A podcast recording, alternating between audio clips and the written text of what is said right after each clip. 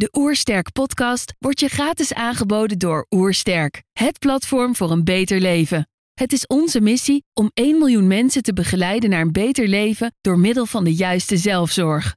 Wil je weten hoe jij kunt werken aan een beter leven? Ga dan naar www.oersterk.nu slash gezondheidscheck voor onze gratis gezondheidscheck en krijg direct jouw uitslag met persoonlijk advies. Welkom bij de Oerstek podcast met Richard Telet en mijn naam is Inge Nuiten. Je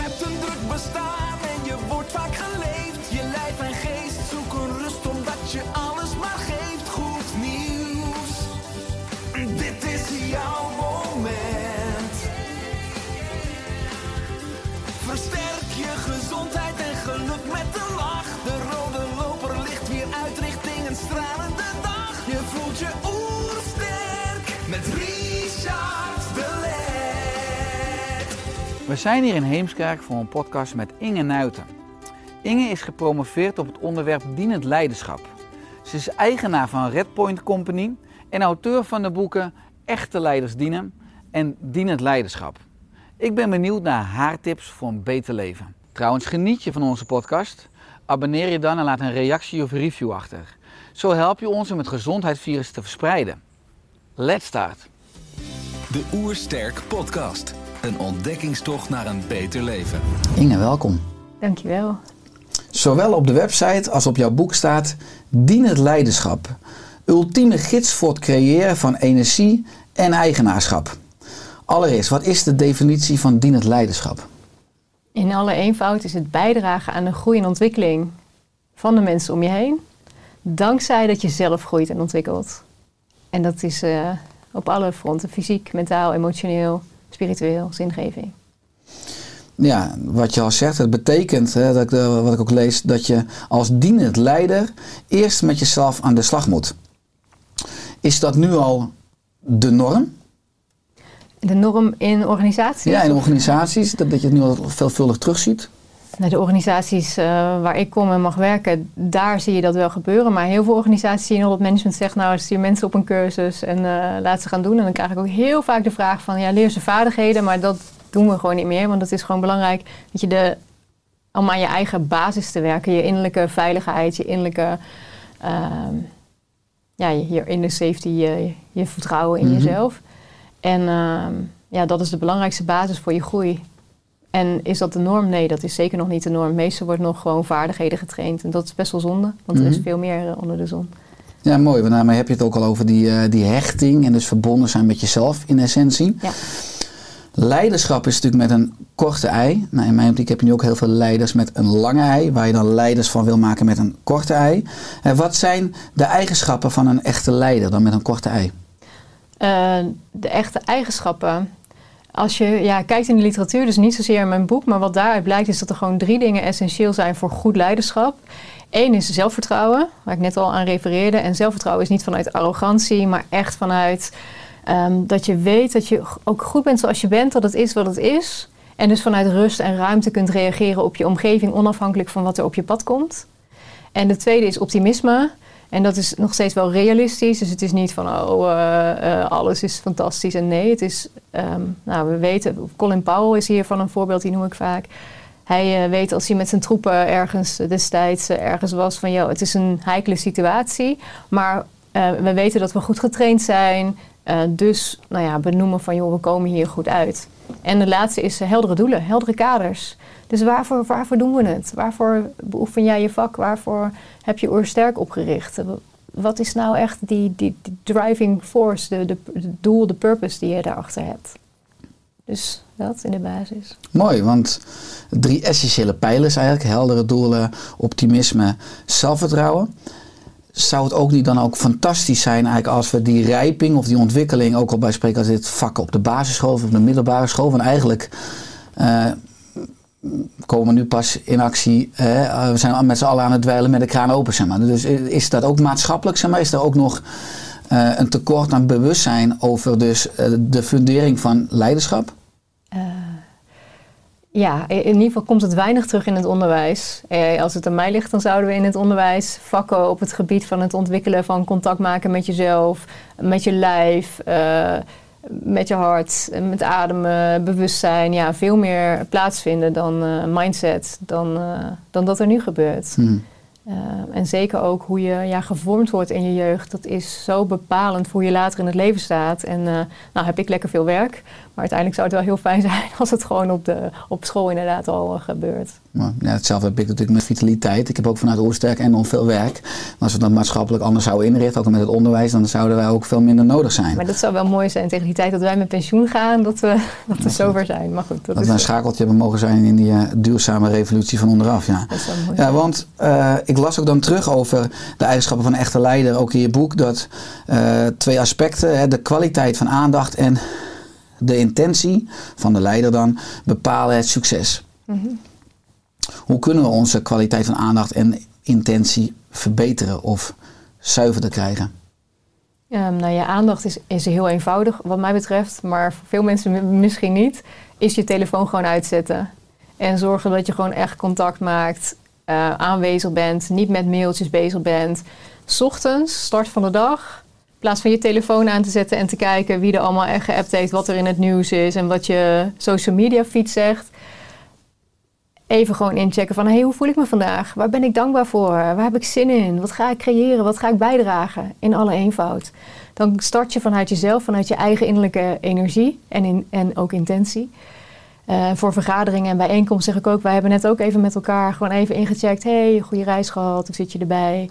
Um, dus dat helpt om te landen en dat is gewoon een oefening. Ik zeg dan tegen mensen ook altijd van maak kaartjes of dingen die je eraan herinneren. Om daadwerkelijk uh, met aandacht ergens te zijn. Ja, en op het moment dat je dat vaker oefent, bijvoorbeeld door iedere dag je dag zo te starten en iedere dag je dag zo af te ronden, help je jezelf al enorm. Intentie is een kwestie van bewustwording als ik uh, nu in gesprek ga met jou, dat ik denk, oh, ik moet je luisteraars wel echt de meest interessante onderwerpen geven of informatie. Ja, dan ga ik met mijn eigen verhaal bezig zijn en dan ga ik blokkeren. In plaats van dat ik gewoon vanuit flow met jou in gesprek ga. En dat is als je leiderschap gaat tonen en je daar bewust van wordt, dan wordt dat een bewuste keuze. Hé, hey, ik ga gewoon lekker luisteren naar Richard en zien wat er ontstaat in de connectie. Um, dus intentie is echt iets om te oefenen. En ook bijvoorbeeld als je een vergadering ingaat of iemand heeft iets verkeerd gedaan, ga je dan met de intentie in gesprek om die ander wel eens even te laten voelen wat voor een sukkel die is of hoe stom die het heeft gedaan? Of ga je heel bewust in gesprek met de gedachte, oh ja, de meeste mensen deugen. Dus hier ga ik vanuit. En dan ga ik dus in gesprek om echt een verbinding te maken en te horen, hé, hey, hoe is het nu met je? Want uh, dat is misgegaan. Wat doet dat met jou? Uh, wat leer je ervan? Wat, wat, wat kan er anders? Dan krijg je dus hele andere gesprekken. Maar dat is ja, bewustzijn creëren, wat, wat ik dus doe in mijn werk bij mensen. Vooral echt bewustzijn, bewustzijn, bewustzijn. En dan gaan oefenen in de praktijk. En je kunt aandacht en intentie eigenlijk ieder moment van de dag oefenen. Of je nou in de file staat, aan de kassa, podcast opneemt of met wie dan ook in gesprek gaat. Ja, het zijn twee krachtige sleutelwoorden, aandacht en intentie. Mega. Als ja. je alleen die al op orde krijgt, dan, uh, dan maakt een wereld van verschil. Dat is echt, uh, ik zeg ook altijd, als je niet weet wat je moet gaan oefenen, begin dan gewoon met dit. En er zijn natuurlijk allerlei kenmerken die ook ooit uit mijn onderzoek zijn gekomen, die dan wel weer helpen om dit beter te krijgen. Maar als je alleen al daarmee zou beginnen, wauw, in, je privéleven, kijk maar na hoe vaak ben je echt met je aandacht bij je kinderen. En kinderen die geven je dat feilloos uh, terug. En papa, je bent er niet bij, uh, hoor ja. ik regelmatig als dat mensen me vertellen in, in workshops. Ja, want je zegt net ook om echt aandacht te hebben, zet je telefoon uit. Mhm. Mm -hmm. uh, nou, ik uh, lees ook dat als je een training geeft of met iemand in gesprek bent, uh, dat je notificaties uitzet en je telefoon vaak ook op vliegtuigmodus zet. Want schrijf je, ik heb respect voor jouw tijd en jij hebt respect voor mijn tijd. Het is niet respectvol om met andere dingen bezig te zijn. is er ook maatschappelijk te weinig respect op dit gebied? Mm, ja, is het respect? Ja, of gewoon bewustzijn. Uh, mensen gaan zo mee in de waan der dingen zonder er echt over na te denken wat voor een impact het heeft. Wat is de consequentie als ik op mijn telefoon ga zitten kijken terwijl ik met jou in gesprek ben? Het, bewustzijn is er niet meer omdat het zo normaal is. Ja, maar die zit ook op zijn telefoon te kijken. Dus ik denk dat het vooral een kwestie is van bewustzijn en dus ook bewustzijn van hoe je respectvol met elkaar, uh, met elkaar omgaat. Ja, op basis van je kernwaarden. Ja, Ja, hoe je met een ander contact wil hebben. Ja.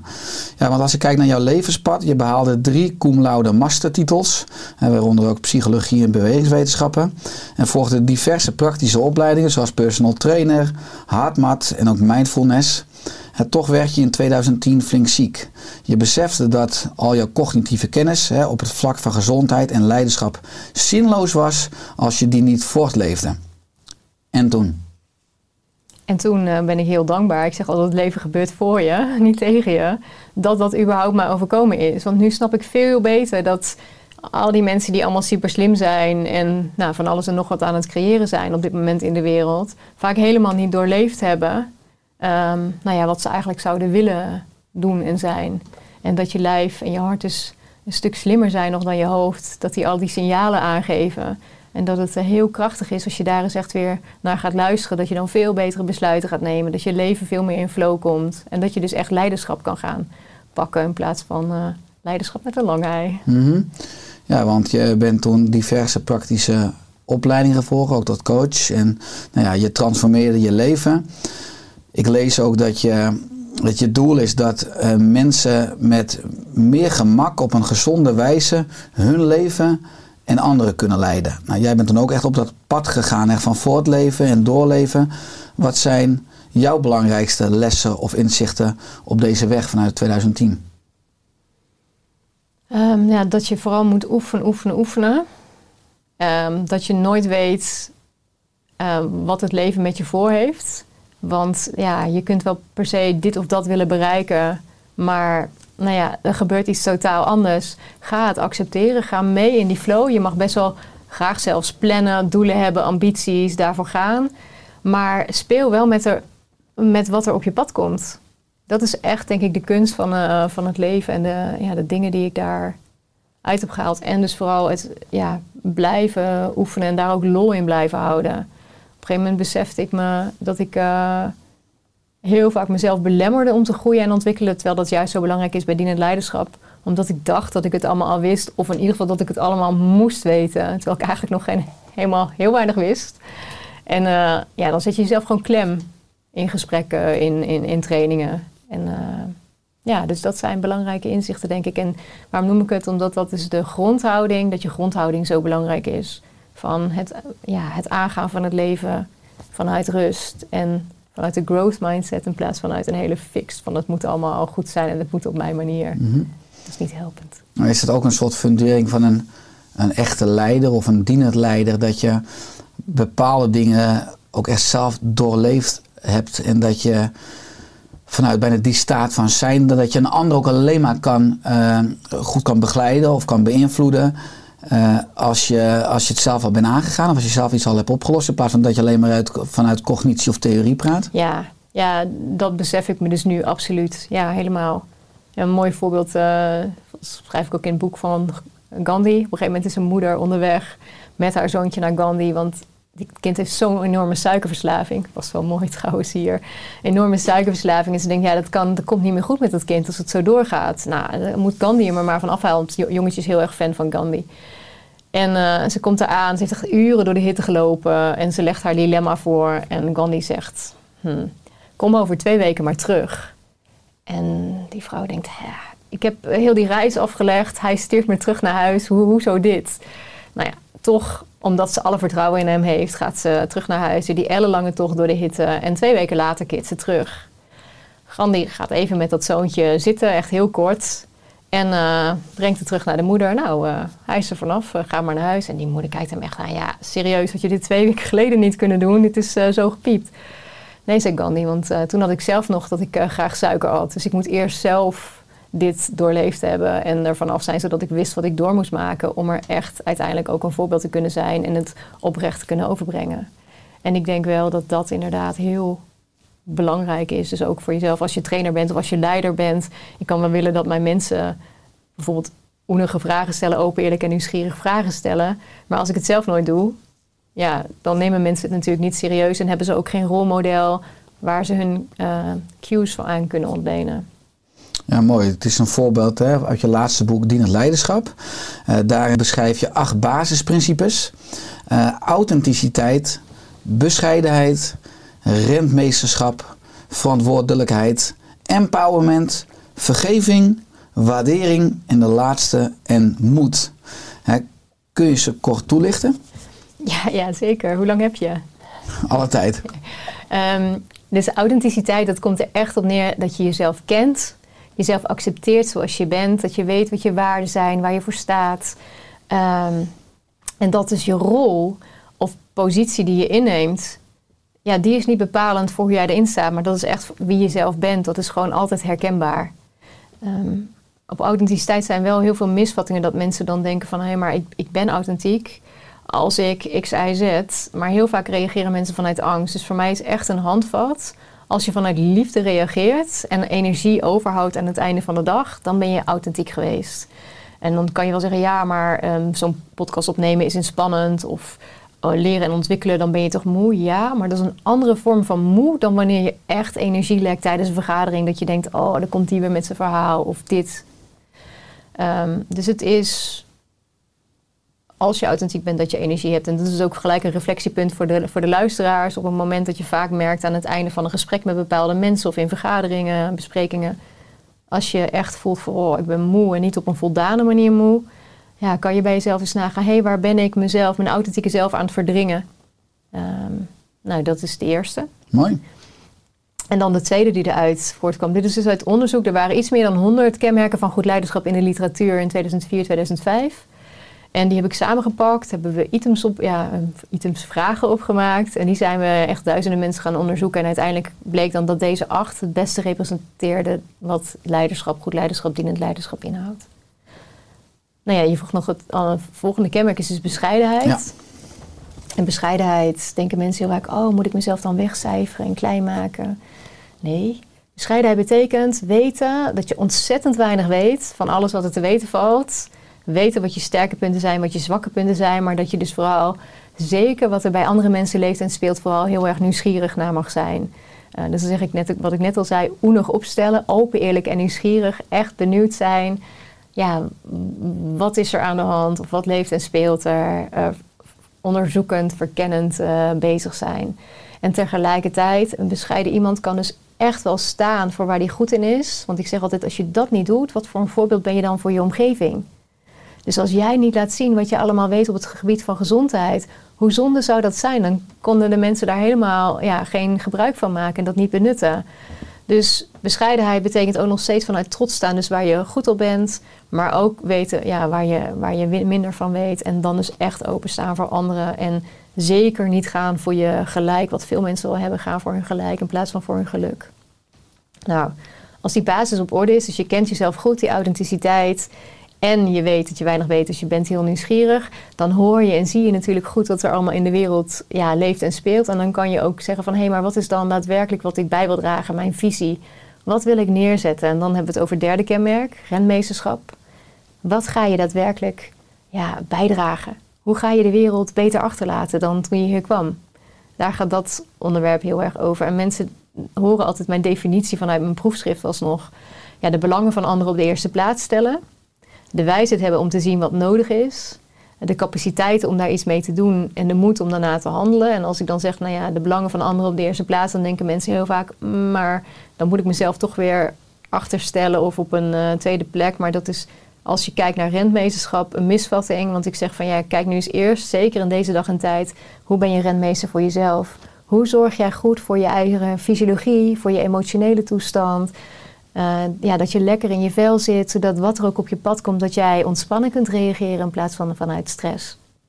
En daar, uh, ja, daar gaat de rentmeesterschap dus ook over. Hoe wil jij de wereld goed achterlaten en een voorbeeld zijn als je geen rentmeester bent over je eigen lijf? Dus begin eerst eens even daar, voordat je het nog groter, uh, groter gaat Want je lijf is ook een stukje aarde, letterlijk. Ja. ja, wij zijn gewoon onderdeel daarvan. Wij zijn ook human nature, wij zijn ook gewoon natuur. En um, nou ja, jouw zelfzorg, jouw heldere visie.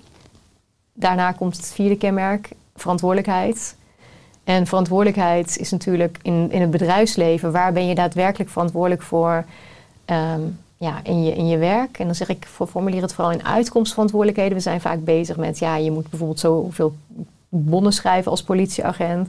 Maar het is natuurlijk veel inspirerender om te zeggen van... hé, hey, hoe hou je Nederland veilig? Dus jouw verantwoordelijkheid is van... Hey, om de criminaliteit terug te dringen of iets dergelijks. En dat is je uitkomstverantwoordelijkheid. Dan mag je zelf gaan nadenken van... hé, hey, maar wat is dan in deze wijk het meest gepast om te, om te gaan doen? En voor mij is verantwoordelijkheid ook dus ja, elkaar aanspreken, elkaar feedback geven. Om, zodat we kunnen groeien en leren. En dienend leider zal dus altijd kijken van... hé, hey, wat, wat zie ik je doen in gedrag, feitelijk, dus zonder oordeel...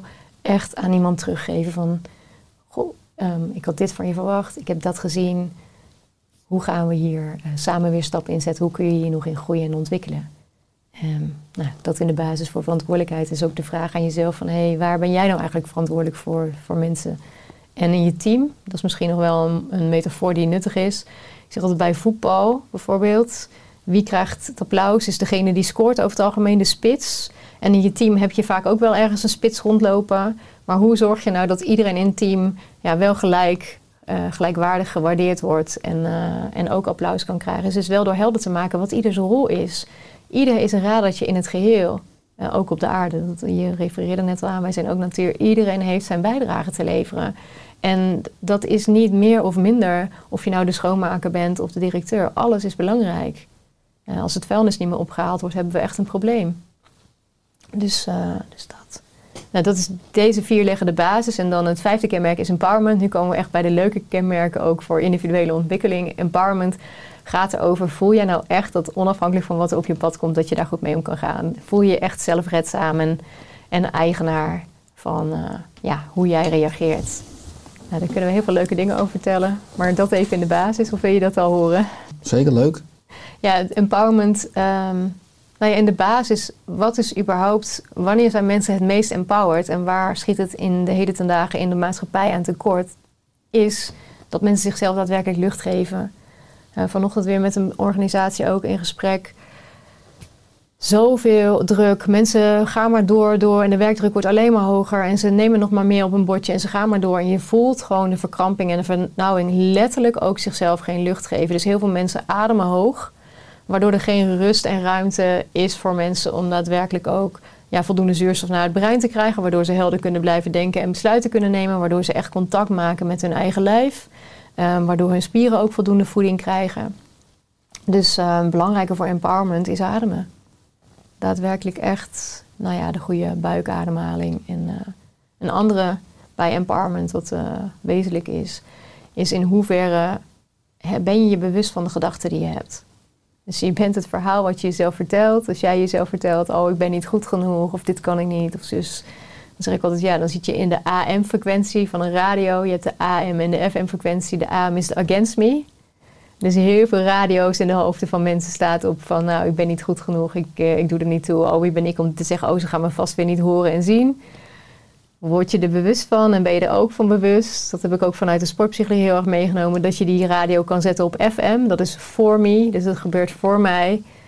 Oké, hoe zou ik dan, welke gedachten zou ik mezelf dan vertellen? Want ja, wat ik al zei, je bent het verhaal wat je jezelf vertelt. In de psychologie noem je dat een self-fulfilling prophecy. Dus we zijn heel veel zichzelf vervullende voorspellingen aan het doen. Dus je kunt je verhaal veranderen. Dus de uitnodiging is bij empowerment: verander ook echt je verhaal, zodat je de rust en de ruimte krijgt. In plaats van dat je jezelf alleen maar stress uh, aanpraat. Mooi, dat is eigenlijk een mooie metafoor om van zelfafwijzing naar zelfacceptatie dus Absoluut. te switchen. Mooi. Ja, ja. En daar is vergeving ook belangrijk bij. De basis bij vergeving is weten dat je de hoop op een ander verleden los kan laten. Weet je, het verleden kan je niet veranderen. Wat er zojuist gebeurd is, ja, het is wat het is. Uh, maar heel veel mensen proberen daar nog de strijd mee aan te gaan. Dat is gewoon zo ontzettend zonde, verloren energie.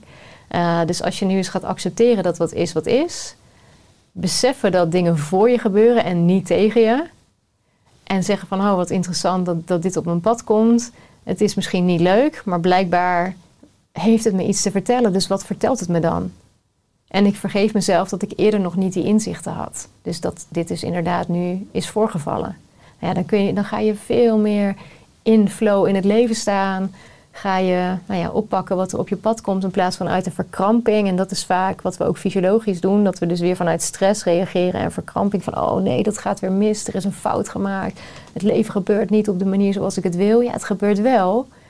En uh, ik heb daar wel een grappige eh, oefening voor. Die is misschien ook wel leuk om aan de kijkers eh, te delen. Hoewel natuurlijk ook heel veel mensen in de oren luisteren. Dus misschien moet ik het zo visueel mogelijk eh, uitbeelden. Maar over het algemeen, als je een fout maakt, sla je echt je handen voor je ogen of een verkramping in je lijf. En vanuit de sport en vanuit ja, hoe je met je fysiologie omgaat, weet ik van dat het heel belangrijk is om je borstkas open te stellen, zodat je jezelf lucht kan blijven geven en rust. Hoofd omhoog, zodat je lichaam het signaal krijgt: hij het is veilig. Je hoeft niet te schuilen.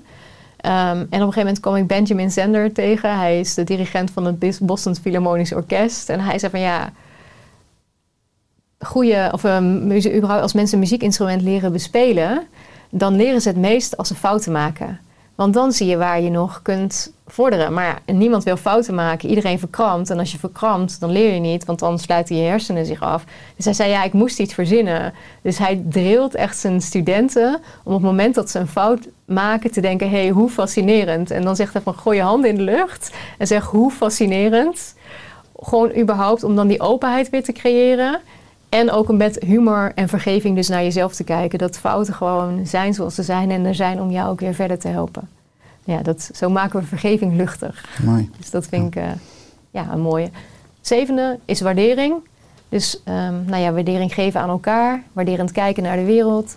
Uh, zoals je de wereld ziet, dat is wat er in jouw binnenwereld leeft en speelt. Dus op het moment dat jij heel veel negativiteit in je hebt en vaak aan het oordelen bent, ja, dat is waar je jezelf ja, vooral mee belast. Maar dus dat ook uit op de wereld. En als je waarderend gaat kijken, dan word je zelf positiever en liefdevoller. Maar de mensen om je heen gaan dat ook merken. En dat, dat werkt als een trein. Waardering ontvangen is daar ook onderdeel van. En dat is wat sommige mensen nog wel eens moeilijk vinden. Dus als degene die nu zitten te luisteren, of ja, misschien voor jezelf, check eens bij jezelf van hoe is het als iemand je een compliment maakt van wauw, wat heb jij een gaaf bedrijf opgericht met echt, je bereikt miljoenen mensen om een gezonder leven te leiden. Je gaat nog veel meer mensen een gezonder leven geven op basis van de inzichten die je hebt. Weet je, kun je dat binnen laten komen? Of denk je dan, nou joh, weet je, dat is ook maar toeval. En dus, nou ja, dat is een check. Je zit te knikken, dus... Dankzij ook een fantastisch team, maar zeker. Ja, ja, ja. Maar dus dankzij een fantastisch team en dan, dan, is, dan hoor ik je al je zeggen... Hey, Mede dankzij een fantastisch team, ja zeker. Ja. Maar kan je ook zien wat je echt binnen laten komen, wat jouw eigen rol daarin is. En zeggen, oh ja, dankjewel, fijn dat je, dat je het ziet. En natuurlijk kan je ook ja, de, de fantastische mensen die hier rondlopen ook de waardering geven, maar kun je ook zelf de waardering ontvangen. Want als je het niet echt kunt ontvangen, hoe serieus nemen mensen het dan als jij zelf waardering gaat uiten? Dus het is ook weer over voorbeeldgedrag. ja, mooi. En daar is heel veel moed voor nodig, dat is het achtste kenmerk.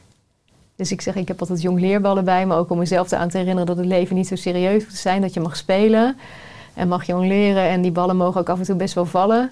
Ja, dus je hebt de ballen nodig, de moed om ja, te doen wat we net allemaal bespraken over die kenmerken. Mooi, leuk trouwens. Ik, uh, ik ben ook vaak aan het jong leren. En eigenlijk met drie ballen, dat gaat me goed af. Nou, met vijf ballen is het eigenlijk natuurlijk gewoon sneller. Maar met vier ballen heb ik nog steeds niet. Omdat je dan twee ballen aan elke kant hebt.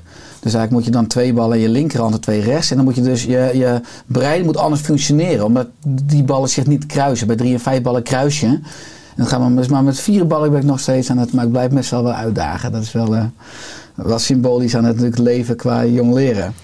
Mooi hoe je de acht basisprincipes toelicht. Want uh, het leiderschap is met een streepje ertussen. Mm draait het dus in essentie, want wat ik ook teruglas in je boek, maar ook de interviews die je hebt gedaan, dat soms willen leiders de intentie van een gesprek al een bepaalde uitkomst hebben, of een ander veranderen, of een ander ergens heen draaien. Draait het dus altijd om jezelf, of draait het juist alleen om de ander, of is daar een soort optimale balans in? Ja, in, in mijn waarheid, en ik zeg altijd, maak er je eigen waarheid van, maar is het, wat heb je samen te doen om ergens te komen? En als ik jou volledig respecteer in wat jouw rol is en wat jouw talenten en kwaliteiten zijn en daar open voor sta, dus de rust en ruimte heb en ook voor wat mijn eigenheid is, dus ik uit mij oprecht voor wat voor mij belangrijk is en hoe ik dingen zie en ik geef alle ruimte aan jou om dat ook te doen, dan creëren we synergie. En dan ontstaan de dingen vanzelf, dus daar is zeker een balans.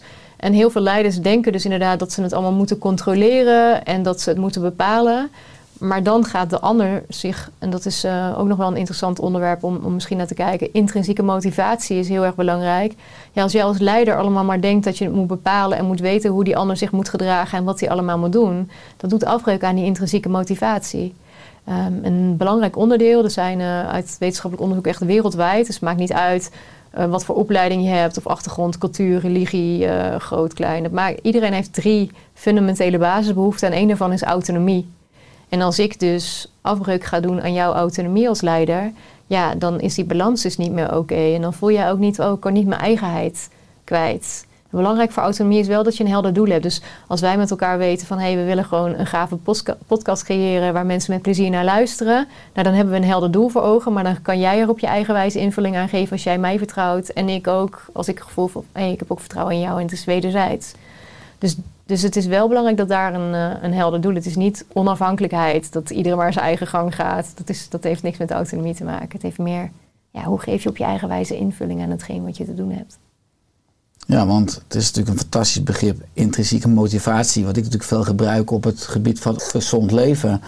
Waarom zou je gezonder gaan leven? Waarom zou je in beweging komen als je je leven bijvoorbeeld als zinloos ervaart? Nou, ook denk ik in het bedrijfsleven of mensen die een baan hebben, is het ook heel interessant om vanuit leiders of vanuit de werkgever te kijken wat is nou de intrinsieke motivatie van mijn medewerkers of van mijn werknemers. Omdat denk ik die vraag al misschien te weinig of helemaal niet gesteld wordt. Ik denk dat je ook fantastische antwoorden krijgt als je dat in een bedrijf of, of in een familie of in een vriendengroep uh, dat van elkaar zou weten. Ja. Dat je nog, nog mooier zeg maar, kan mixen en kan levelen. Ja, absoluut. En alleen inderdaad wat je al aangeeft. Niet, we hebben het er niet over. En ik denk die, uh, die intrinsieke motivatie waar jij nu op doelt gaat over je bigger why, dus je grotere waarom. Dat gaat over rentmeesterschap. Wat ben jij hier nu aan het doen? Wat zou je graag achter willen laten? En heel veel mensen denken daar wel eens over na, maar weten het dan nog niet. Je ontdekt het ook vaak aldoende. Dus je bent dingen aan het ontwikkelen, je doet een opleiding, je gaat ergens werken. Je, aldoende ga je dat steeds verder uitkristalliseren. En vaak geef ik trouwens wel oefeningen om weer ook terug te gaan naar je jeugd. Omdat daar al hele mooie handvatten liggen van uh, ja, hoe jij jouw zelfexpressie op een authentieke manier uh, vorm kan geven. Maar dat zou zeker ja, persoonlijke relaties, maar ook op het werk waardevolle, ja, waardevol zijn als mensen daar veel meer bij stilstaan. In het boek staat ook een ja, een hele eenvoudige tool voor mensen om um, prestatie-evaluatie, dus beoordelingsgesprekken, functioneringsgesprekken te doen. Dat zijn echt maar zeven vragen. En die eerste vraag is ook van, hey, wat denk je dat wij te doen hebben en wat heb jij te doen en, en hoe sluit dat bij elkaar aan? Dat is gewoon de basis. Ja. mooi. Ik hoorde je tijdens een radio-interview bij BNR zeggen: Je krijgt niet wat je verdient, maar wat je tolereert. Je gaf net al aan dat je jezelf kan voeden ook met uh, oordelen of negatieve gedachten. Uh, nou, veel goeroes zeggen natuurlijk ook van dat de buitenwereld ook een expressie is van je binnenwereld. En als je die extreem doortrekt, dan kan je dus verantwoordelijkheid of eigenaarschap pakken voor alles.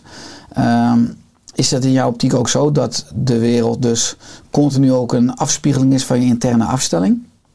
Ja, zeker. Maar niet dat jij overal verantwoordelijk bent. Uh, je bent 100% verantwoordelijk voor je eigen geluk, gevoelens, uh, gedachten en gedrag. En de consequenties van je gedrag. En dus daar kun je nooit een ander de schuld geven. doen wel heel veel mensen. Maar dat is in principe, daar heb je 100% verantwoordelijkheid. Maar je moet wel onderscheid leren maken tussen wat jouw zaak is, de zaak van de ander en de zaak van iets groters, of je dat nou het universum of God noemt. Uh, maar als er bijvoorbeeld een pandemie komt of iets dergelijks, weet je, dat is niet waar jij als individu alleen de verantwoordelijkheid voor draagt. Dat is out of your hands. Het enige wat je kunt doen is eigen verantwoordelijkheid nemen. Voor jezelf goed zorgen. Je verantwoordelijkheid nemen richting andere mensen. Hoe je daarmee omgaat. Maar dat, dus snap je, heb ik het helder mm uitgelegd. Dus het is echt die drie soorten zaken hebben mij om dat besef te hebben. Dat heeft mij enorm geholpen om ook te snappen van ja, als jij mij feedback geeft bijvoorbeeld. En ik word daardoor geraakt op een of andere manier. Dat is mijn verantwoordelijkheid, niet die van jou. Dus het heeft mij ook weer de rust gegeven om mensen gewoon dingen terug te durven geven. Omdat ik weet van ja, als het met jou wat doet, fijn voor je. Want dan kan je weer in ontwikkeling en groeien. En daar gaat het leiderschap ook over. Dus wat van mij is, projecteer ik op jou. Wat jij ermee doet, is aan jou. Ja, dus je kan niet per se zeggen bij een pandemie. Ja, dat is het gevolg van je gefixeerde mindset. En investeer nou meer in een groeimindset, want dan was de pandemie er niet geweest. Uh, nee. Nee. Want, Wel als iedereen dat had gedaan. Maar... Exact, als collectief. Dat is ook, ook, interessant, ja. ja. Uh, want wat zijn universele behoeftes of angsten uh, van mensen die je ook vaak hoort of vaak tegenkomt? Uh, ja, vooral de angst om niet goed genoeg te zijn. Ehm, ja, de angst om het niet te weten, de angst om uit de groep gestoten te worden. dat, is, eh, ja, dat zijn echt de fundamentele dingen. En dat is ook, we hadden het net heel even over intrinsieke motivatie. Dat is dus een ABC'tje, autonomie hadden het over. Maar binding is echt de primaire behoefte van mensen. Dat is gewoon als je geboren wordt, je komt op aarde. Nummer één levensbehoefte is liefde, aandacht, zorg, knuffel, aai over je bol, eh, te eten, warmte. Ehm, dus ja, die binding maakt ook dat wij, wij zijn soort, ja, gewoon mens, mensen ho- hebben mensen nodig. Dus op het moment dat je uit de groep gestoten werd, eh 10.000 jaar geleden, was je aan de leeuwen en of de vijandige stammen overgeleverd. Dus niemand wil dat. Dus je, mensen willen er kost wat kost alles aan doen om aardig gevonden te worden, om, om erbij te horen, om goed genoeg bevonden te worden. Want als dat niet zo is, wow, ja, wat zijn de consequenties? Nou, die zijn tegenwoordig niet meer zo heftig, maar dat zit nog wel in onze systemen opgesloten. Dus die angst ja, om er uitgestoten te worden en dan pijn te gaan lijden en er niet bij te horen, dat is, eh, die is heel erg aanwezig. Ja, als je het hebt over eh, die universele angsten, hebben heel veel mensen ook een angst op het maken van fouten.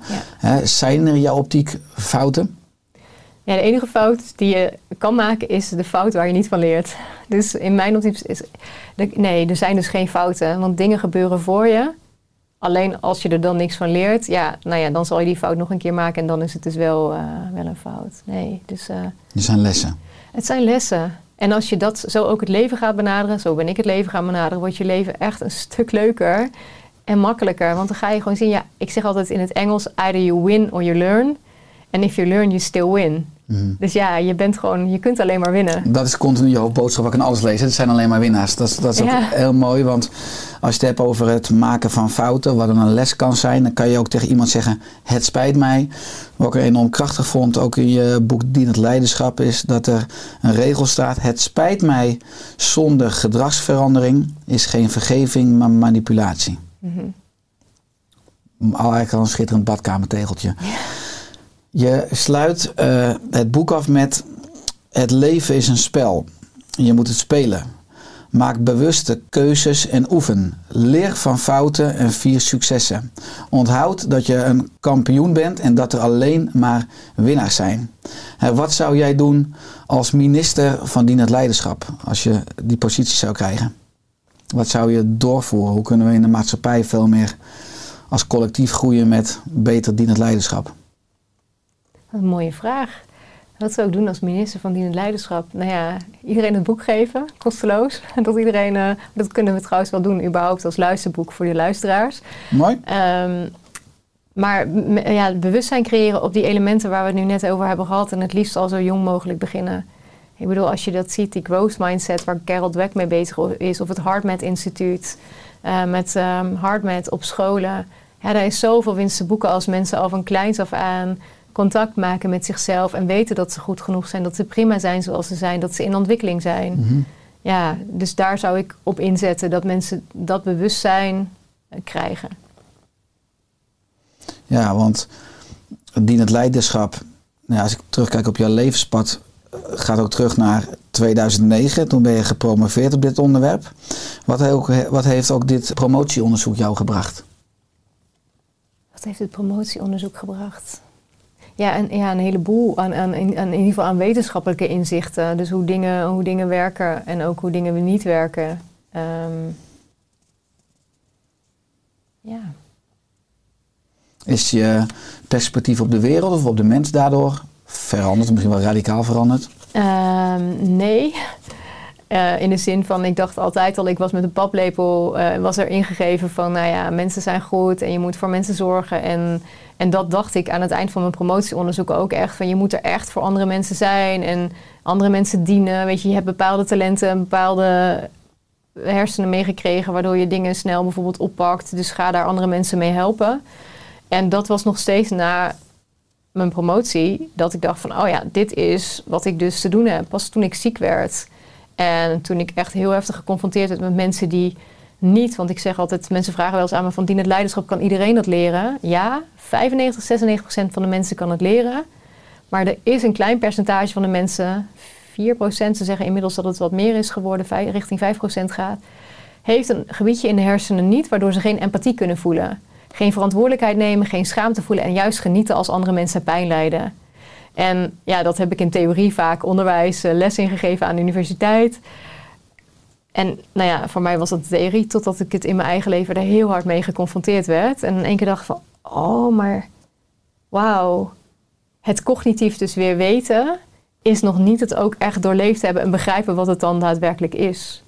Uh, en toen ben ik gaan zien van ja, vroeger uh, in de jaren tachtig uh, de smurfen op tv, Gargamel.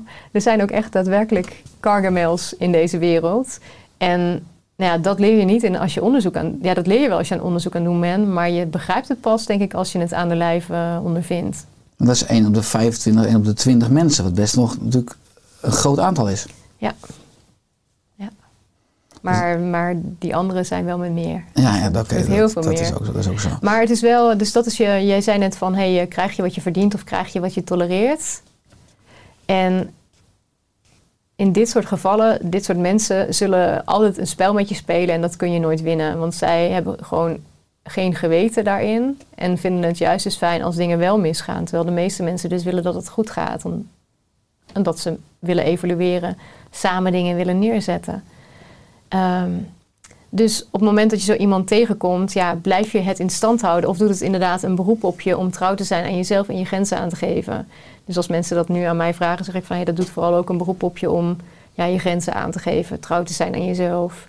En dingen niet persoonlijk te nemen als ja, mensen je ja, onbehoorlijke dingen teruggeven. Weet je, hou het bij jezelf. En ik denk dat dat ook wel een hele belangrijke les is. Maar dat is vooral voor mij allemaal na het onderzoek begonnen. Dus het onderzoek heeft me gebracht. Ja, ik ben dus al pratende je andere vragen gaan beantwoorden. Dat ik heel veel wetenschappelijk inzicht heb gekregen die knijter waardevol zijn. Maar pas daarna, doordat ik ziek werd, doordat ik uh, in mijn privéleven deze situatie meemaakte, begon ik pas echt te snappen waar ik onderzoek naar had gedaan en dat te doorleven en nou ja, in mezelf echt te verinnerlijken. Ja, mooi, want ook als je kijkt naar de gezondheidscrisis van afgelopen twee, drie jaar, waar ook enorm veel mensen geworsteld hebben en veel stress ervaren hebben, dat ook allerlei factoren speelden. Hè. Buiten je, ook politiek, waar je persoonlijk misschien wat weinig of minder uh, mee kon doen of invloed op hebt. Uh, hoe kunnen we ook in die omstandigheden in het oog van de orkaan blijven? Dus hoe kunnen mensen hun rust en hun gezondheid op alle domeinen bewaren middels persoonlijk leiderschap? Nou, een belangrijk punt wat we straks al hebben besproken is het ademen. Dus echt contact maken met jezelf. Checken bij jezelf. Hé, hey, waar, waar zit mijn adem? Zeg ik altijd, leg je hand op je borst of leg je hand op je buik en voel waar die zit. En als die hoog zit, weet dat je zelf weinig, relatief weinig lucht geeft om voldoende zuurstof te hebben. En leer jezelf echt aan om ja, diep te ademen, dat je echt je lijf opvult als je inademt. En rust. Ja, er zijn vo volop oefeningen. Nee, ik zei het net al, ze kunnen het luisterboek van een boek krijgen, degene die jouw podcast luisteren. Zullen we mee afsluiten straks? Ja, mooi. Ja, dan, uh, daar zit ook een uh, schatkist bij waar mensen in kunnen kijken. Dat is een online, en daar geef ik ook ademhalingsoefeningen. Nou, er zijn er natuurlijk genoeg. Uh, je hebt al heel veel deskundigen ook gehad op dit gebied in de podcast. Mensen waar, maar alsjeblieft ga dat soort mensen opzoeken en, en leer daarvan. Dus dat is een hele belangrijke. Nou, we hebben het al over gehad over mindset. Dus dat je je kunt fascineren over de dingen die daar gebeuren. In plaats van te denken, oh het gebeurt allemaal tegen me. Dat je echt gaat voelen, het gebeurt voor me. Waar doet dit een appel op? Dat zijn uh, ja, belangrijke elementen om, om, om het oog in de orkaan te zijn. Want dat geeft je uiteindelijk het rust en het vertrouwen om te zijn met wat er is. En ik noemde net al dingen niet persoonlijk nemen. Die is daar ook heel uh, wezenlijk in. Hoe vaak ja, als iemand boos op je wordt of ja, je iets teruggeeft neem je dat persoonlijk en ga je dat aantrekken en ga je daarmee zitten. Terwijl het is van die, van die ander. Tenzij het iets in jou raakt, ja, dan heb je daar wel verantwoordelijkheid te pakken. Maar dat kun je ook weer van groeien. Dus dat is de, ja, de basis. Ja, dus dat is echt een levenskunst om dat ook te, echt te ontwikkelen en daar, en daar competent in te worden. Stap voor stap, ja. Iedere keer stap voor stap daar... Uh, beter in worden. Dus da en het is echt dagelijks oefenen. Ja, uh, ze hebben natuurlijk ook met jou ook over uh, gezondheid, fit worden. Um, bekende voorbeeld, als je één keer in de sportschool bent geweest, dan heb je nog geen strak lijf of betere conditie. Dat zul je echt minimaal drie, vier keer in de week moeten doen. Wil je na een maand of drie tot zes een beetje resultaten gaan zien. Dat is met dit ook zo. Maar ja, wat mij nu de rust en het schuif geven van al die onderzoeken die er op dit vlak zijn gedaan, je weet dat ademen belangrijk is. Je weet dat contact maken met je gevoel en met je hart eh, belangrijk is. Dat bewegen belangrijk is. Ga dat dus ook gewoon doen. En vertrouw erop dat die resultaten er komen, want die komen er. Dat is ook, eh, in het boek noemen we dat nog het compound effect, dus het stapeleffect. Ja, vaak denk je halverwege van nou, eh, dit gaat helemaal nergens heen. Van wat ben ik nu aan het doen? Maar als je doorzet, komt er op een gegeven moment een punt dat je denkt, oh wauw, en nu heb ik hem. En dat is dan ook vaak omdat je weer een keer in een valkuil trapt of zo. Of dat iets helemaal misgaat. En dan in één keer ja, schiet je ergens doorheen en heb je het wel bereikt. Maar dat vergt wel eh, een tijdje oefenen. Ja, ja een eh, leven lang oefenen. Ja, nou ja, ik denk met bepaalde dingen zoals met het ademen of hard met wat ik al eh, noemde. Of met die gedachten. Dat je door dat dagelijks te oefenen dat je na drie tot zes maanden al wel een behoorlijke basis hebt, maar je moet het wel op blijven frissen. Dus ik heb wel vaak leiders die dan zeggen, ja, toen ik in het jaartraject zat, toen was ik echt helemaal ermee bezig, ging het zo goed. Maar nu merk ik, oh, nu ben ik alweer een half jaar verder, ben ik toch weer een aantal dingen heb ik verslonst. Ja, dat is hetzelfde als tandenpoetsen. Hoe vaak doe je dat? Nou ja, als je gezond gebit wil hebben, twee keer per dag. Maar als je dat even drie dagen vergeet, krijg je ook een nare smaak. Nou, dat is eigenlijk bij leiderschapsontwikkeling niet anders. Als je uh, een paar keer vergeet om je aandacht er niet bij te hebben, ja, je, het is gewoon hygiëne om dat gewoon uh, bij te houden. Dus daarom zeg ik ook altijd: creëer een context die jou eraan helpt herinneren hoe je wilt zijn, die jou helpt. En dan maakt het veel makkelijker om, uh, om daar ook naar te gaan leven. Ja, echt uh, gezonde routines en rituelen ontwikkelen. Ja. ja. Nou, in jouw eerste boek, bestseller Echte Leiders Dienen, staat een quote van Leo Buscaglia. Die is als volgt. Fantastisch vind ik hem. Het is niet genoeg om geleefd te hebben. We moeten vastberaden zijn om ergens voor te leven. Mag ik voorstellen dat we leven om vreugde te creëren voor anderen? Om te delen, zodat we de mensheid vooruit helpen. Om hoop te geven aan wie zoekende is en om liefde te geven aan wie eenzaam is. Is deze quote belangrijk geweest op jouw levenspad? Ja, zeker. Ja, ja ik vind het echt. Uh een quote die nog steeds ook voor mij raakt. Dit is gewoon voor mij waar het leven ook wel om draait. Om het leven van elkaar beter en leuker te maken. Te, zien wat er nodig is. En daarop in te spelen, absoluut. Ja, ja het is mooi dat ik je in de podcast een paar keer hoor zeggen natuurlijk. Hè, het leven gebeurt voor je en niet tegen je. Nou, dat hoor ik ook uh, Eckhart Tolle en Tony Robbins en John D. Martini. Dat zeggen heel veel grote leraren. Dus dat is mooi, dat komt universeel terug. Eh, je hebt ooit in je leven een overdosis straling gehad hè, tussen 2006 en 2008. Uh, wat is er gebeurd en wat is het resultaat en hoe interpreteer je dat ook dus als dat het voor je gebeurd is en niet tegen je? Dat heeft me heel erg bewust gemaakt dat um, je nog zo um, veiligheid kan worden geboden in, in officiële documenten, dat dingen absoluut niet schadelijk zijn en geen kwaad kunnen. Uh, maar dat door hoe dingen in organisaties soms lopen, toch bepaalde informatie niet op posities komt waar die wel nodig is. Of soms ook door economische belangen niet wordt gedeeld. En nou ja, dat is, was toen een van mijn belangrijke inzichten. Wow, dit is echt iets. Uh, weet je, al mijn buren waren op dat moment ook ziek. Ik woonde op de bovenste van een oud gebouw waar heel veel zendmasten op stonden en ook omheen. En ik werd zieker. En, ik was nog in de twintig, ik werd zieker en zieker en zieker.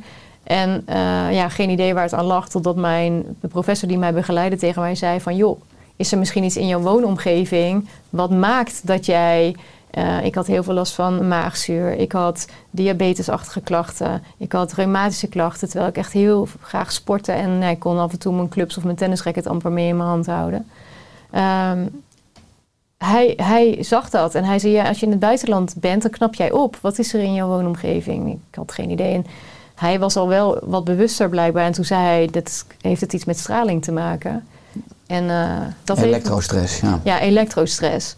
En toen dacht ik, uh, ja, wat een rare opmerking. Maar ik ging naar huis en de volgende dag gingen we naar een congres. Ik kwam terug van een congres, ik liep het huis binnen, ik voelde het, ik wist het.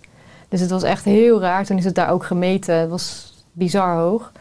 En um, ja, wat me dat heeft geleerd is ook dat ik gewoon totaal niet naar mijn lichaam luisterde. Mijn hoofd, ik leefde alleen maar vanuit mijn hoofd. Ik wist alles hier. Ik dacht ook dat ik alles wist. Uh, en dat was dus absoluut niet zo. Er was nul contact met het lijf, nul contact met het hart. Die gaven al lang aan, maar je ziet, er is gewoon iets niet oké. Je moet hier weg. Er waren al zoveel signalen. Dus dat heeft me zoveel gebracht in contact maken met mijn lijf. Beseffen van wat er in de wereld, welke belangen er spelen. Hoe informatie wel of niet gedeeld wordt. Uh, ja, hoe mensen soms ook om andere belangen bijvoorbeeld belachelijk gemaakt worden.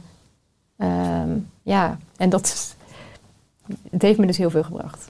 Ik het- Ja, het is interessant. Het is een onderwerp waar denk ik maatschappelijk nog steeds heel weinig bewustzijn over is. Ik zeg wel eens, straling zijn een beetje de bacteriën van vroeger. Voor de uitvinding van de Ja. microscoop zagen we bacteriën niet in de geneeskunde. Zeiden we, wat, je, wat we niet zien bestaat niet. Dus Ja. het kan geen negatief effect hebben. Nou, nu ook een beetje met straling. Ik heb, we hebben tot 2017 in een eh, appartement, een 12 hoogflat gewoond. We woonden op de achtste etage. In 2017 kwamen daar zendmasten op, echt op het dak. Eh, ik was toen al jaren bewust van die schadelijke effecten. Dus 90 huishoudens, eigenlijk waren er twee in de flat waaronder ik en nog een ander stel die bezwaar maakten. En eh, nou, de meeste mensen waren blij, want doen ze ook slim. Je kreeg dan 20, 30 euro per maand kreeg je korting op de onderhoudskosten. Hè. Daar zorgden ze dan ook voor, omdat het een 12 hoogflat was, hadden die zendmasten, zendmasten ook een hoog bereik in de omgeving. Maar ik was echt blij dat we toen ook konden verhuizen. Want, ik, want dat was, is ook echt meetbaar inderdaad. Als je met een woonbioloog die straling gaat meten. Dan, eh, Ja, en het is interessant. Hè? Wij, zijn al wij zijn al energie. Dus eh, het is natuurlijk ook zo van hoe je eigen trilling in elkaar zit. Dat heeft me dat ook geleerd. Dat, dat bepaalt ook wel waar het aangrijpt en waar je last van krijgt. Dus het is heel moeilijk te diagnosticeren. Ja, tenzij je dus op een gegeven moment, zoals bij mij, was het gewoon heel frappant. Trainingslocaties waar ik was, waar het goed ging. Altijd, waar het ineens helemaal niet meer ging. Bleek dat er in één keer wifi was, maar dat wist ik niet. Weet je, dat soort incidenten. Ehm, maar voor mensen dus, ja, je kunt het meten. En stel je nou eens voor van, hé, hey, we zitten hier in een, eh, nou, in een dicht gebouw. Maar er komt wel door al die muren, kun je nog wel gewoon bellen. Dat is toch best wel gek. Dus het gaat ook door je lijf heen. Dus ja, dat is wel interessant om eens bij stil te staan. Ja, wat gebeurt er dan? En dus mensen die nu luisteren denken, ja, waar heeft het over? Ik nodig je echt van harte uit om er eens mee te gaan experimenteren wat het doet als je het eens gewoon twee of drie dagen eens uit zou zetten. In ieder geval als 's nachts, eh, weet je. de router en de wifi Ja, je? router, je wifi, maar ook je telefoon bijvoorbeeld op vliegtuig, eh, op vliegtuigmodus. Ja, nou ja, goed, jij kent misschien ook wel veel onderzoek, maar er zijn echt onderzoeken als je er echt induikt. Het is echt shocking wat er allemaal gevonden is al, wat voor effecten het kan hebben. Ja, waar dan ook wel weer onderzoeken tegenover staan. Maar dan denk ik, ja, het bekende fenomeen van late lessons from early warnings is ehm, voor mij, ja, er zijn gewoon early warnings. eh, dat er toch, kijk hoe het in de maatschappij nu is. Volgens mij, die statistiek deel jij ook heel vaak. In 2008 waren er 4 miljoen mensen chronisch ziek. Inmiddels al ruim 10 miljoen. Hallo, we zijn met 17,5 miljoen mensen of zo in Nederland. 10 miljoen chronisch ziek.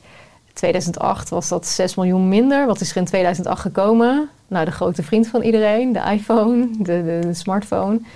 Weet je, en nee, ik kan hier niet eh, wetenschappelijk keihard maken dat het één op één. Want er zijn natuurlijk veel meer dingen. Als, als ik kijk naar onderzoek überhaupt, wat zijn dingen die mensen ziek maken? In het Engels is dat de trauma's, de toxins en de thoughts. Dus traumatische gebeurtenissen, dingen die je in je leven meemaakt, je gedachten. Ehm, en eh, toxines, ja, dit is dan een toxine. Dus er zijn, maar er zijn natuurlijk ook pesticiden, dingen in landbouw, dus luchtvervuiling. Het is zo groot. En dus alles is natuurlijk de afgelopen jaren enorm toegenomen. Dus ik kan het niet keihard maken wetenschappelijk, maar ik weet het speelt echt een rol bij behoorlijk wat, eh, behoorlijk wat mensen.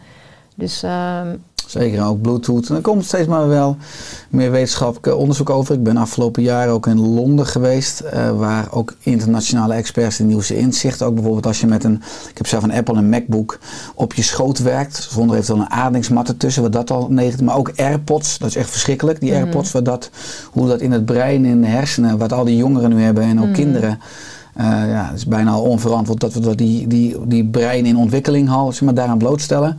Maar nogmaals, we zien het niet, dus eh, we geloven in de mythologie dat het dan geen negatief effect kan hebben. En ook in de geneeskunde is er natuurlijk veel te weinig kennis nog over. Het is gewoon onbekend. Maar ja, dat is hetzelfde als... ehm, ja, ik zeg altijd straling bijvoorbeeld van de zon. Ja, het is gezond, is niet voor niks die term. Want als je zon krijgt, nou, dat is juist goed. Vitamine D, onwijs belangrijk. Maar op het moment dat jij eh, urenlang in de volle zon eh, gaat zitten, verbrand je. En eh, ja, dat vindt je huid niet fijn. Dus dan krijg je een probleem.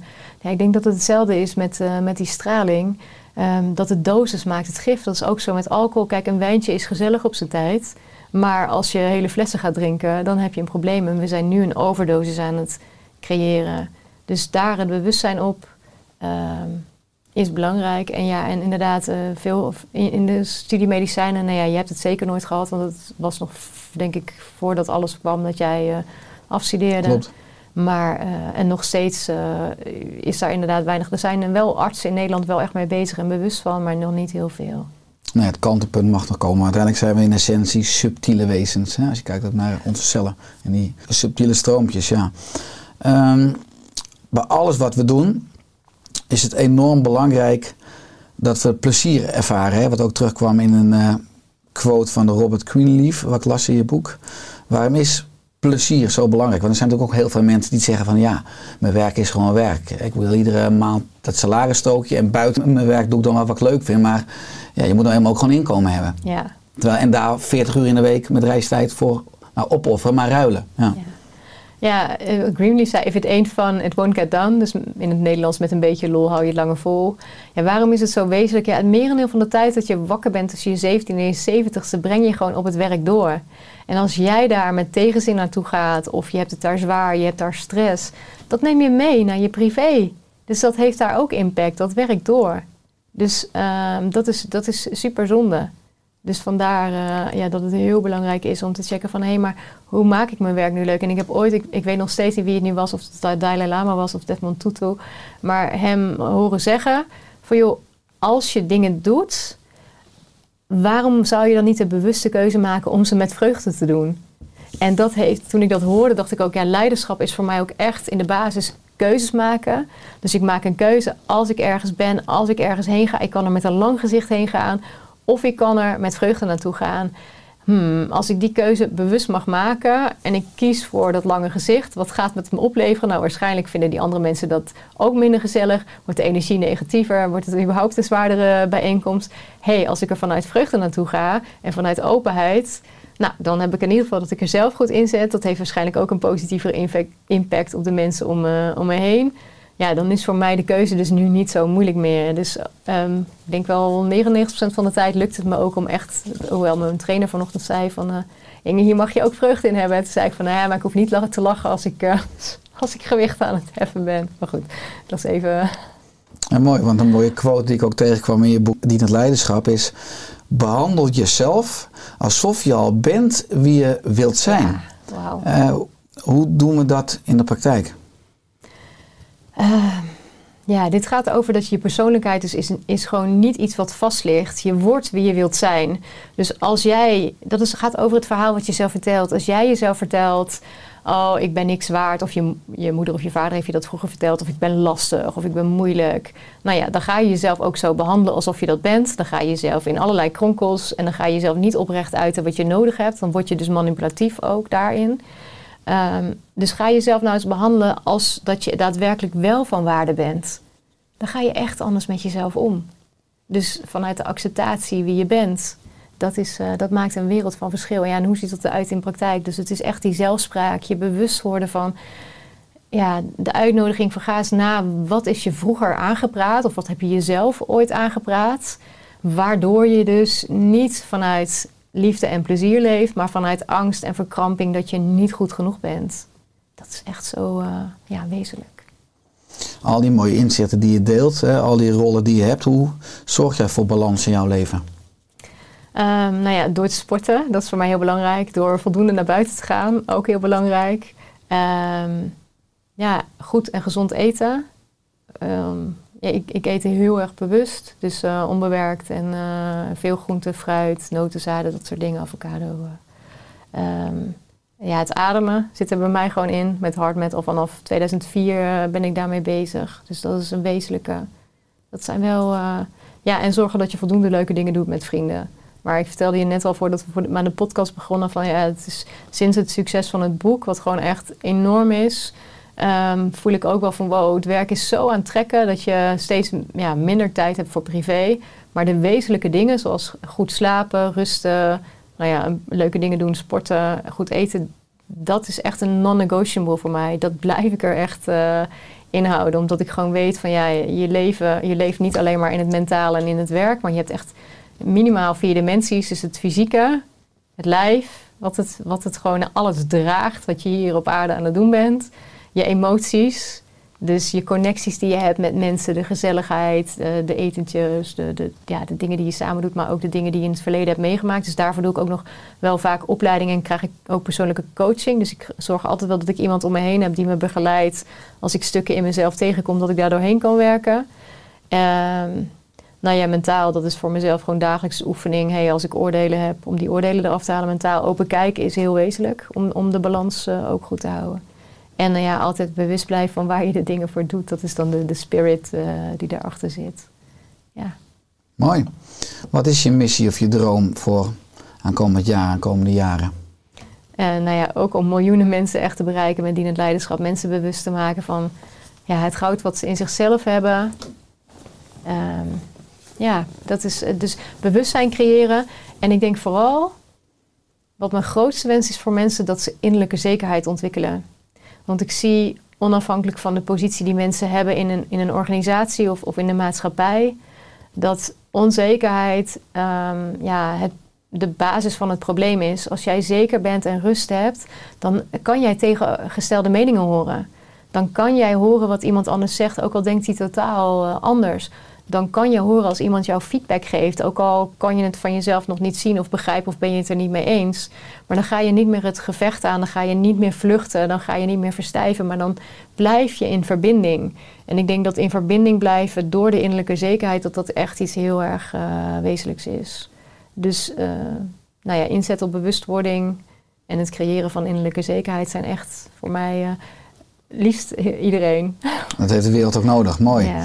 Voordat ik zo de podcast met je ga afsluiten, zou ik je willen vragen. Want je hebt een hele mooie opening van dus het boek Dien het Leiderschap. Uh, pagina 9. Voor alle fakkeldragers. Zou je dat willen voorlezen? Oh, wauw. Ja, zeker. Nou, dit is ook uh, speciaal voor jou, maar voor iedereen waarschijnlijk die luistert. Ja. Ja, um, voor alle fakkeldragers. De toekomst is een vormloos gat. Een lege, pa een lege pagina wachtend om gevuld te worden. En dan ziet de fakkeldrager een nieuwe mogelijkheid. Die visie is jouw droom, jouw roeping. En het brandt van verlangen in je vurige hart. Maar je kunt de toekomst niet alleen creëren. Je hebt reizigers nodig die het meemaken. Het pad door het onbekende is echter donker en onduidelijk. Je moet het pad verlichten voor de andere reizigers. Fakkeldragers communiceren op een wijze die angst verslaat en hoop inspireert. Sommigen zeggen dat het een last is om een fakkeldrager te zijn. Sommigen zeggen dat het een zegen is. Wat het ook is, degenen die het pad verlichten zijn degenen die de wereld veranderen. Nancy Duarte en Patty Sanchez. Mooi Inge. Is er aan het einde van de podcast nog iets dat je graag wilt toevoegen of aanvullen? Ja, dankjewel voor dit leuke gesprek. Heel erg leuk om te doen. Dus uh, fijn. Met liefde. Waar kunnen mensen meer vinden over jou, over je boeken? Je gaf al aan dat mensen het boek Dien het Leiderschap uh, gratis uh, kunnen downloaden. Ja, dat zullen we afspreken, want het is uh, ergens rond de kerst. Dat we er een leuk kerstcadeautje van maken. Dat ze zo tot ergens de eerste week van het nieuwe jaar of zo, als ze de podcast luisteren op... nou, een, een, de, even de link die jij gaat delen gewoon ja, onder goed. de podcast. Ik zet hem sowieso dan in de nieuwsbrief. Uh, de, iedere natuurlijk twee weken de podcast staat die uitkomt. Maar ik zal hem ook op de platforms erbij zetten. Zodat mensen nou, tot uh, ergens in januari 2023 het boek kunnen downloaden. Ja, dat we daar helder over zijn waar. En ja, als ze meer willen weten, de, de website www.dienend-leiderschap.nl. Dus gewoon echt zoals de titel van het, uh, van het nieuwste boek is. Uh, Redpoint Company is, is mijn bedrijf. Daar, daar is ook een boel op te vinden. Dus, uh, Redpointcompany.com. Ja. ja. Mooi, en dankjewel voor je komst in de Oerstedt podcast. Heel graag gedaan, dankjewel. En dat we samen maar mogen werken aan een wereld vol echte dienende leiders met een korte ei. Ja, heel fijn, dankjewel. Graag gedaan, alle goed. Ja, is gelijk.